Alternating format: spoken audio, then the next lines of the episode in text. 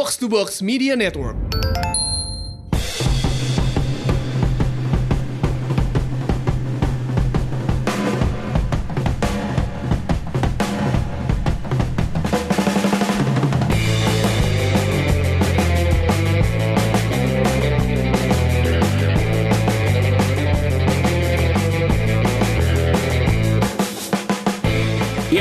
Kembali lagi di Garuda Mengudara. Volume 3 Sehabis pertandingan yang sangat-sangat super menegangkan Antara Indonesia versus Vietnam. Ini Garuda Mengudara Jangan lupa didengarkan di Spotify-nya uh, Umpan Tarik Box to Box Karena Garuda Mengudara akan selalu hadir di pertandingan-pertandingan uh, timnas. Setelah pertandingannya ya mungkin misalnya pertandingannya Senin malam atau Selasa malam akan hadir besokannya. Dan kali ini gue Lalu Sadat eh, akan ditemani oleh seorang editor gila nih sebenarnya ini salah satu 100 episode pertamanya Umpan Tarik nih Lebih, lebih. Oh, lebih ya lebih ya bisa dibilang sekitar 100 sampai 110 episodenya Umpan Tarik nih nih orang sebenarnya ada di balik kesukses kesuksesannya Umpan Ah, Tarik kagak lah lebay lu. tapi ini orang akhirnya eh, sedikit mengundur mengendurkan serangannya Mundur. mengundur-undur karena lelah. Dan kali ini di Garuda mengudara akhirnya gue paksa dia mau. Bang Eki Wiratama, Halo. Halo. Halo, perkenalkan saya Eki Wiratama. gak usah perkenalan, gak usah perkenalan. Kali aja ada pendengar baru umpan tarik kan. Kalau pendengar lamanya pasti udah tahu. Udah tahu nih, eh, Bang Eki Wiratama nih akhirnya kembali lagi nih di episode ke 160 sekian nih pokoknya di eh, di jagat sepak bola nasional. di jaga sepak bola nasional pokoknya kita ini di hari ini Garuda mengudara volume 3 karena ma- match day ketiga ya Indonesia lawan Vietnam nih gue mau tanya Ki pertandingan yang luar biasa antara Indonesia versus Vietnam selama 90 menit kita dikurung hasilnya imbang 0-0 Luar bagaimana biasa. Luar biasa menenggangkan buat supporter Indonesia. Sebenarnya kalau untuk supporter netral, penonton bola biasa, ini pertandingan yang sangat-sangat nggak apa ya, Nggak seimbang nggak layak tonton. Jahat banget ya, tapi nggak lihat ngelihat dari statistik kedua tim ya memang eh, Vietnam lebih mendominasi pertandingan. Tapi shoot on target cuma satu dari eh, berapa sekian puluh eh, percobaan ya, 20, 20 percobaan. Dan Indonesia shoot cuma satu, Gak ada on target nggak ada yang on target. Ini membuktikan kalau pertandingan ini benar-benar memang eh apa ya? Bisa dibilang membosankan ya. Tapi untuk untuk kedua supporter ya Indonesia atau Vietnam. Indonesia lah terutama ya. Ini pertandingan yang super menegangkan karena bener 90 menit lebih kita dikurung sama Vietnam itu eh, percobaan-percobaan Vietnam itu banyak yang nggak jadi hasil karena memang back-back kita ini berhasil motong alus serangannya Vietnam gitu. Bener ya? Betul karena kita tadi kebetulan kita main dua pivot ya Ki ya. Ah, dari Ah. awal pertandingan. Yang lupa eh, pertandingannya ini kan bakal tayang hari Kamis ya. Ya.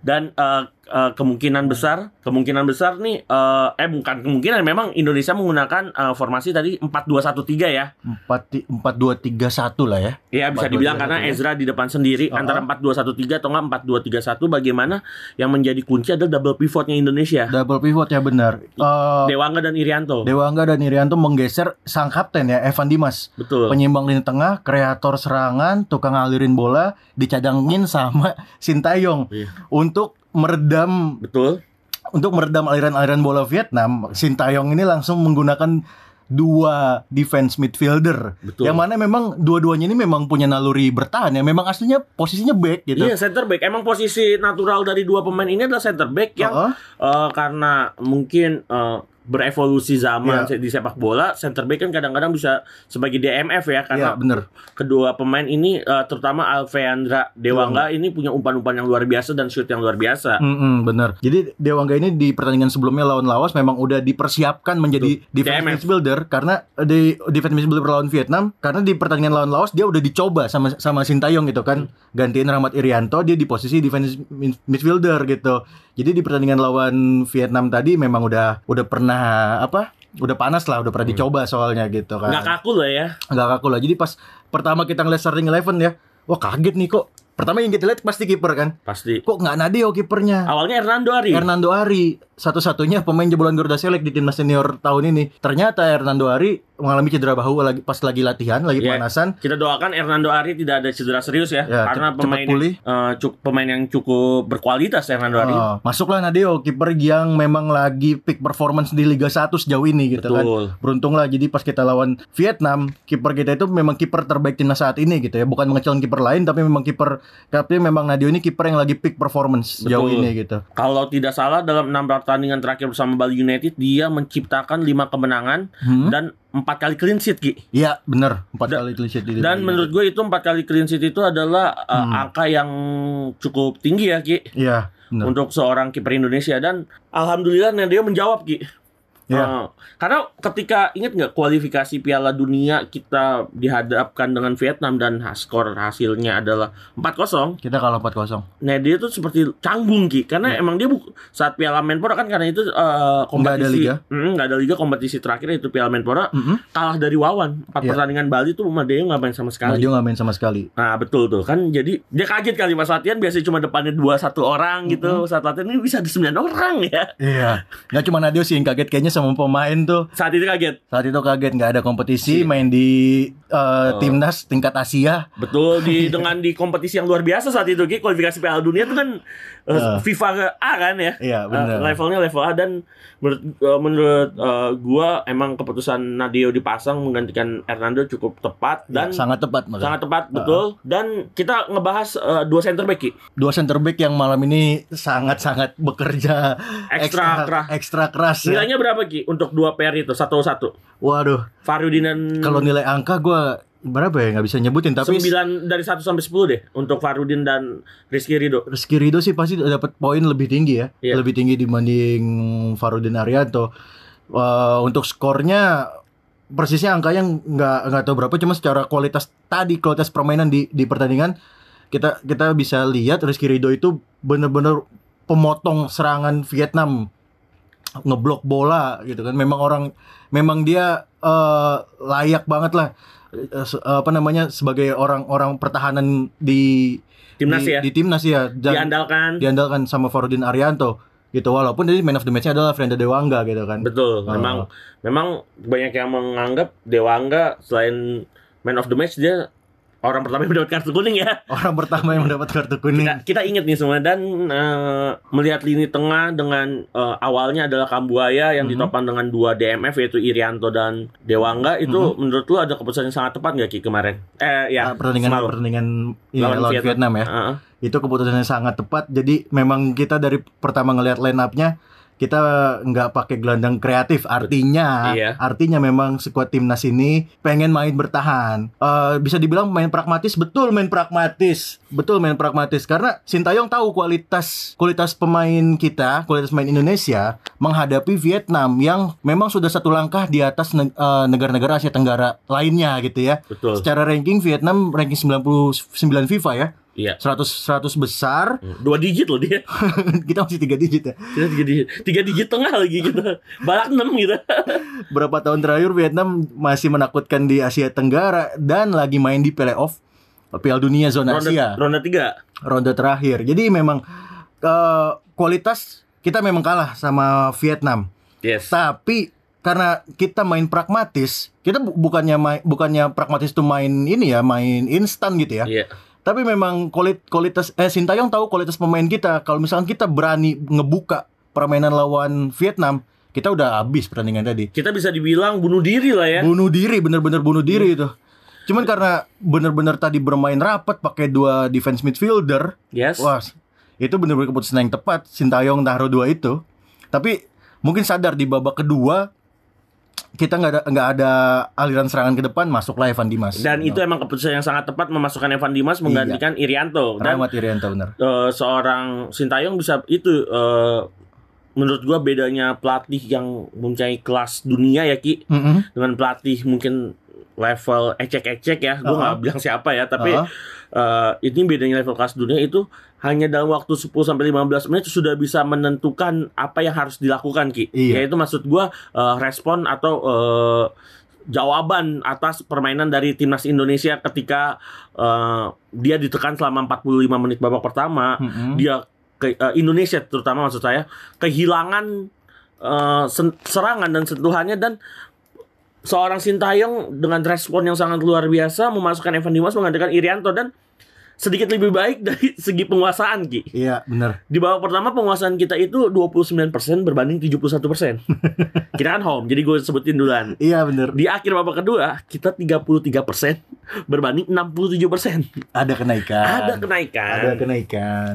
dan dan menurut uh, gua pribadi ya masuk ke Evan Dimas sih sedikit memberikan uh, serangan dan mungkin menakutkan untuk uh, para pemain Vietnam yang Hmm. satu angkatan dengan Evan Dimas. Kita ini for your info ya pemain uh, Vietnam yang ada di skuad uh, tahun ini Ada sekitar tujuh ya? tujuh betul Tujuh. tujuh salah satunya uh, salah satunya Fufantan ya Iya. itu adalah uh, orang-orang yang dikalahkan oleh Evan Dimas di final 2013 di Mhm. sidoarjo Mm-mm, benar benar benar. ya kan Iya. dan menurut gue Evan Dimas sebenarnya paham untuk ya kita tahu mungkin sekitar 7-8 tahun yang lalu mungkin udah banyak yang berubah ya tapi Iya. seenggaknya Evan Dimas memiliki mental untuk mengalahkan Vietnam Mm-mm. Ya, mungkin eh, Vietnam juga dari babak pertama dia udah punya strategi buat matiin aliran bola dari Evan Dimas. betul betul pasti itu pasti Eh, cuman ternyata Evan Dimasnya nggak main gitu. Malah kita main dua gelandang bertahan. iya Oke, berarti memang kita memang udah harus siap di diserang gitu kan? Karena kita punya dua gelandang bertahan dan empat back sejajar gitu. Hmm. Berarti memang kita memang sudah siap diserang gitu. Dan ternyata benar 90 menit lebih kita diserang. betul dan Ah. emang 20 times ya Mm-mm. eh, total dan 19-nya off target itu Mhm. menunjukkan intensitas yang tinggi dari eh, timnas Vietnam Vietnam benar. bagaimana para pemain Vietnam bahkan untuk kita lihat seorang center backnya ki Mm-mm. eh, kaptennya ya nomor Iya. punggung tiga Mm-mm. namanya sulit lagi gue males nyebutnya Ngoc. Iya, ngo ngoc cong lu tadi lu balik ya. Ngoc jadi cong. Jadi cong isi si ngoc ini eh, sampai naik ke setengah lapangan Indonesia ki. Iya, itu udah menit-menit terakhir. Jadi sekitar hitungan 5 menit terakhir tuh di Betul. babak pertama dan 5 menit terakhir di babak kedua itu Vietnam itu benar-benar langsung Tancap eh, gas. Tancap gas, bener all out dia kayaknya ya. Iya betul. Bener-bener habis-habisan gitu. Dan banyak banget peluang di 5 menit terakhir tadi gitu. Dan akhirnya di masa injury time ya itu sedikit inilah ya trik-trik buat ngulur waktu karena memang eh udah kita udah nggak bisa Berbuat gol- banyak. ber- udah nggak bisa berbuat banyak, udah nggak bisa cetak gol eh, apa peluang cetak gol tuh sangat kecil gitu kan. Makanya Iya, kita mengelur-ngelur waktu itu bener, bener apa salah satu bagian dari strategi. strategi trik gitu kan. Walaupun ya pasti kita sebagai lawan kalau ngeliat gitu kesel pasti kesel. Geram lah, Geram lah. geram lah bahasa Heeh. bahasa bahasa Indonesia yang ada sering di buku-buku tuh geram gitu kan. Tapi saya kira wasit asal Korea ya tadi Korea Selatan Heeh.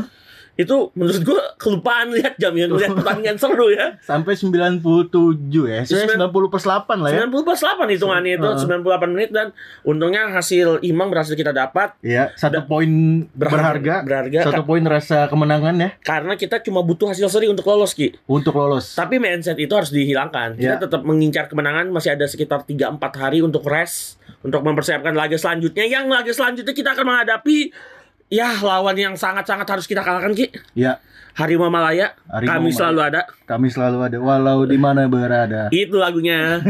lawan Malaysia ya Ki. Iya. Lawan Malaysia, oh, oke lawan Malaysia hari Minggu, pertandingan penentuan, Malaysia masih ada masih ada kesempatan buat lolos walaupun sekarang dia di peringkat 3 dan Dia wajib menang. poin. Dia wajib menang karena Vietnam ini lawannya Kamboja. Iya. Dan kemungkinan besar eh, Vietnam menang. Kemungkinan besar Dan Vietnam. emang menang. Malaysia kalaupun seri Mm-mm. juga sulit untuk lolos karena dia kalah head to head dan kalah poin dari Vietnam. Iya benar. Eh, Pokoknya eh, kemenangan harga, Mutlak. harga mati kemenangan mutlak. Hah? Satu poin kita bisa lolos betul. dan ya pokoknya pertandingan derby yang mana yang di mana-mana pertandingan derby itu berbeda gitu.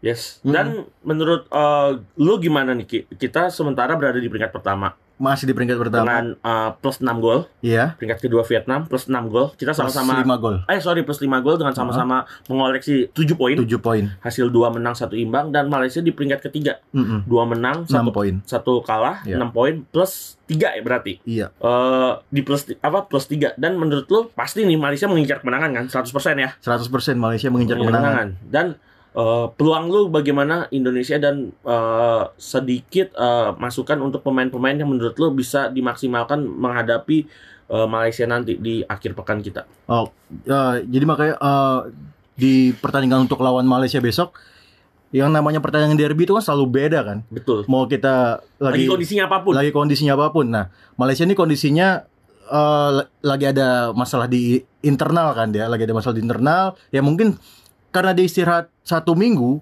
dari jeda pertandingan terakhir dia sampai melawan Indonesia dia punya waktu satu minggu untuk istirahat. Betul. Mungkin nanti pemain yang terkena COVID udah udah sembuh gitu.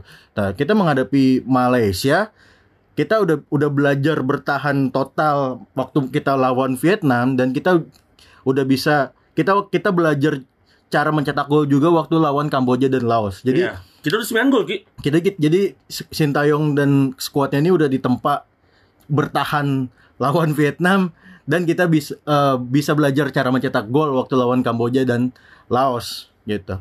Dan memang eh, 9 gol dalam tiga pertandingan plus kita clean sheet pertama kita lucunya melawan Vietnam. Iya, clean sheet pertama dan hasil imbang pertama di Piala AFF tahun ini. Iya, betul. Hasil imbang pertama 0-0 Iya. Indonesia Vietnam. Kan karena Vietnam memang udah clean sheet selama dua pertandingan terakhir ya melawan Malaysia dan lawan kita ya. Iya. Dia kebobolan lawan eh bahkan lawan Laos enggak, enggak, Ma- juga. Vi- Vietnam masih clean sheet, Clean masih sheet. Oh. Malaysia yang udah kebobolan Malaysia udah kebobolan sama empat. Kamboja. Ah. Eh, terus menurut gua, menurut lu pemain kunci Indonesia menghadapi Malaysia nanti siapa nih, Ki? Yang bisa diandalkan? Untuk kita minimal meraih hasil imbang berarti kita minimal mencetak gol lah. Hmm, lawan Malaysia besok ya, lawan Malaysia pasti Malaysia kan butuh banget dia butuh kemenangan. Jadi pasti dia bakal habis-habisan di pertandingan terakhir ini. Betul. Dia bakal habis-habisan. Heeh. Kita udah bisa kita udah belajar cara bertahan ya waktu lawan Vietnam. Yes. Mungkin sorotan masih ada di lini pertahanan sih. Yes. Sorotan maksudnya sorotan exposure ya. Iya. Exposure masih ada di lini pertahanan Indonesia. Itu- Entah itu Farudin atau Rizky Rido atau ada Alvira Dewangga mungkin. Ya. Hmm, itu jadi pemain-pemain yang apa sih bakal dapat banyak porsi lebih ya karena Malaysia pasti bakal all out nih lawan Indonesia terakhir. Dan gue yakin memang eh Malaysia ini kan memiliki sistem permainan yang menurut gue layaknya seperti Indonesia mengandalkan sisi flank kanan dan sisi flank kiri kan. Mm-mm. Dengan sesekali ada serangan dari second line-nya. Tapi Malaysia tidak sehalus atau tidak se eh, bagus eh, Vietnam ya Ya. dalam melakukan sistem permainan tersebut. Ini sebenarnya ada celah nggak Ki untuk kita membongkar pertahanannya Malaysia? Ada ada ada celah walaupun eh, kita ya ngelihat Malaysia ini kryptonite Indonesia ya. Kita susah banget menang kalau lawan Malaysia. Cuman eh Malaysia punya bintang Safawi Rashid, Betul? tapi Vietnam Safawi Rashid ada banyak gitu dan kita bisa Iya. redam. Iya betul. Ya. Betul, betul. Kalau misalkan kita bisa redam Safawi Rashid. Safawi Rashid, Kebetulan Malaysia. Rashid lagi nggak bisa main. Area Covid. masih covid ya. Covid. Heeh. Tapi ya jangan jangan lupakan pemain selain Safai Rasid gitu Iya, masih ada masih pasti yang ada- bakal mengejutkan. Masih ada Nakmul ya. Lukman. Lukman Amkul. Nakmul. Ada Lukman yang masih berbahaya dan beberapa pemain lain ya. Ah, benar. Nah, dan eh, satu pemain menurut lo yang bisa menjadi pembeda Ki? Satu pemain yang Di bisa- lini depan maksud gua. di lini depan ya. Ah. Soalnya dari tadi kita lu ngebahasnya selalu pemain defense, defense dan eh, memang kita perlu defense. Iya karena dua lawan dua lawan kita terakhir di grup ini lawan yang Lumayan. lumayan menyulitkan pasti kan sangat-sangat menyulitkan bahkan ya jadi gue masih berharap mungkin ada ada kejutan dari Witan Sulaiman Yes. Witan Sulaiman Baby Shark ya. The baby shark Kalau gua sih menurut gua ada kejutan dari pemain yang selalu datang dari bench Ki. Hmm. Yaitu Ramai Romakik. Yang tadi walaupun bermain beberapa menit dia memiliki eh, berkontribusi lumayan lagi dalam eh, akselerasi-akselerasi yang cukup halus ya Ki. iya benar benar Tapi sayang tadi tidak ada support dari lini kedua ya. iya yang harusnya ba- lebih banyak eh, didapatkan oleh seorang eh, Ramai Rumakik dan terima kasih Eki untuk bincang-bincang Garuda mengudara. sama-sama umpan tarik Ya elah. Eki is comeback, comeback Israel. Thank you Ki untuk 20 Sama-sama. menit hari ini. sama-sama pokoknya tetap dukung timnas tetap berikan doa untuk para pemain Betul. yang sedang berjuang di AFF Cup apresiasi secukupnya kita masih berjuang di grup belum Betul. lolos Betul. Masih jauh. masih jauh Setengah perjalanan juga belum Ki. setengah perjalanan juga belum masih ada satu pertandingan lawan Malaysia untuk menentukan kita bisa lolos ke babak semifinal Betul. oke Oke, eh, begitulah Garuda mengudara. Jangan lupa didengarkan. Kalau ada pertanyaan nanti eh, di- bisa ditanyakan di kolom eh, komentar di Instagram, di juga di Twitter, apa pun itu ke gua ke ke Aun. Terus jangan lupa kalau mau sharing-sharing bisa di share di medsos kalian, entah di Twitter, entah di Instagram. Oke itu. Thank you udah mendengarkan Garuda Mengudara versi dari umpan tarik. Bye.